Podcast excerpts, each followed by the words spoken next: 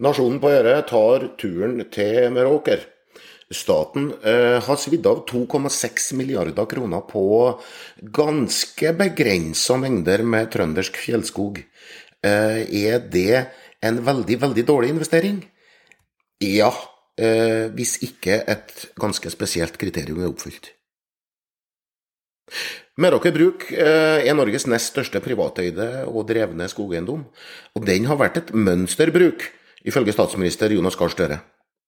Men eh, det var ikke for å fremsnakke privat eierskap at Gahr Støre var i fjellbygda øst for Trondheim på onsdag. Regjeringa eh, gir Statskog SF penger for å kjøpe 94% av Meraker Bruk for 2,65 milliarder kroner. Hvis du syns det er billig, så skal du vite at Statskog kjøpte en omtrent like stor eiendom for bare 1,7 milliarder kroner for ti år siden. Borregaardskogene eh, hadde den gang tre ganger så mye produktiv skog som Meraker Bruk. I tillegg eh, så ligger de på Østlandet, der skog vokser opp og kan selges i løpet av ja, 60 ish år. Eh, hos Meraker Bruk må skogen ha 100 år. Kjøpet av Meraker Bruk er absurd dyrt. Eiendommene har i de siste tre årene levert et driftsresultat på 9,6 millioner kroner i snitt. Med det så vil kjøpesummen være dekka inn om 276 år.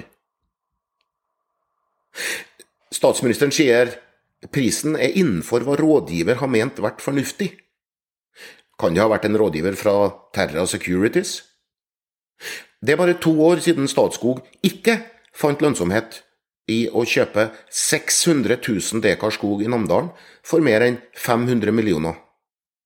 Selv 1000 kroner per dekar ganske fin skog ble altså for mye for Statskog å betale. Nå blar Statskog plutselig opp det dobbelte for fjellskog. Forskjellen er at i 2020 så rapporterte Statskog til en høyrestyrt regjering. Når Jonas Gahr Støre kaller Meråkerkjøpet en investering, unnlater han behendig å si at det er politisk avkastning han ser for seg, ikke økonomisk avkastning. Jo, eiendommen har flere ressurser enn bare skogen. Det er jakt, laksefiske, kraft, det er hyttefelt. Men mye av det her er allerede utnytta. Både regjeringa og SV insisterer på at Meraker Bruks tidligere eiere har forvalta eiendommen godt, og ingen vil peke på noe spesielt forbedringspotensial for drifta. Derfor skal den nye eieren, altså Statskog, slite med å øke de årlige resultatene av både politiske og skogfaglige årsaker. Lokalbefolkninga Meråker eh, har hatt rett til jakt og fiske i eiendommen, eh, og det vil de fortsatt trolig ha. Dagens eksklusive jaktsalg hos Meråker Bruk blir neppe mer eksklusivt eller omfattende. Når Norges jeger- og fiskeforbund jubler for kjøpet, kan vi trygt avlyse at jakt- og fiskeinntektene fra bruket øker. Statskog kan øke hyttebygginga i Meråker, eller bygge ut mer av krafta som renner over. Men tamreindrift og miljøvern har allerede vært ute og etterlyst mer hensyn fra den nye eieren, og ett vindkraftverk i kommunen er allerede vraka. Dette rimer dårlig med økte inntekter på hytte og kraft. Eh, da gjenstår skogen lagelig til for hogg.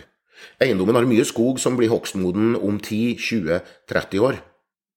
Andre steder har Statskog hogd slik skog før det er skogfaglig riktig å hogge den, for å fremskynde inntekt. Det kan foretaket gjøre også her. I 2012 eh, så kjøpte Statskog altså Borregaardskogene, og da framstilte daværende landbruks- og matminister Lars Peder Brekk fra Senterpartiet kjøpet som en god investering men uten å underbygge den påstanden med et eneste tall. Brekk sa at Statskog har kjøpt på forretningsmessig grunnlag. Det vil gi foretaket bedre grunnlag for effektiv drift. Historien ga Brekk urett. I de ti neste årene så leverte Statskog 751 millioner i samla driftsresultat, men 678 av disse millionene var engangsinntekt fra skogvern og skogsalg. Skog kan som kjent hogges igjen og igjen, men den kan selges eller vernes bare én gang. Resultatet fra løpende drift av Statskog de siste ti årene er altså i snitt 7,3 millioner kroner. Meraker Bruk har levert 9,6 millioner årlig fra en eiendom som altså er 45 ganger mindre enn Statskog sin eiendom. Det er ikke sikkert at Meraker Bruks lønnsomhet overlever Statskogs såkalt effektive drift. Det finnes andre verdier enn de økonomiske i Meraker Bruk. Hurdalsplattforma snakker varmt om å fordele eierskapet til naturressurser som jord og skog på mange hender. Merakerkjøpet flytter 1,3 millioner dekar fra noen få hender i Oslo over på én hånd, også den i Oslo.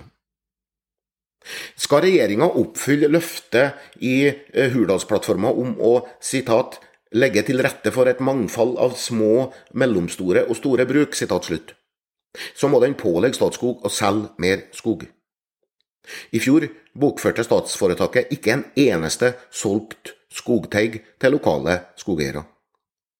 Landbruks- og matminister Sandra Borch fra Senterpartiet, som er generalforsamling for Statskog, har ikke varsla noe nedsalg i etterkant av Meråker-kjøpet. Isteden så bruker regjeringa, som sier den er opptatt av de mangfoldige bruk, 2650 millioner kroner på å gjøre Statskog større enn selskapet noen gang har vært. Mange av de her millionene får vi aldri tilbake. Vi får håpe at de utenlandske skogkjøperne som regjeringa utkonkurrerte gjennom dette kjøpet her, er noen fæle slemminger som ja, Xi Jinping eller Vladimir Putin. Da gir regjeringas kjøp av Meraker Bruk mening. Det var nasjonen på å gjøre. Eh, ha en fortsatt skogrik og fin dag.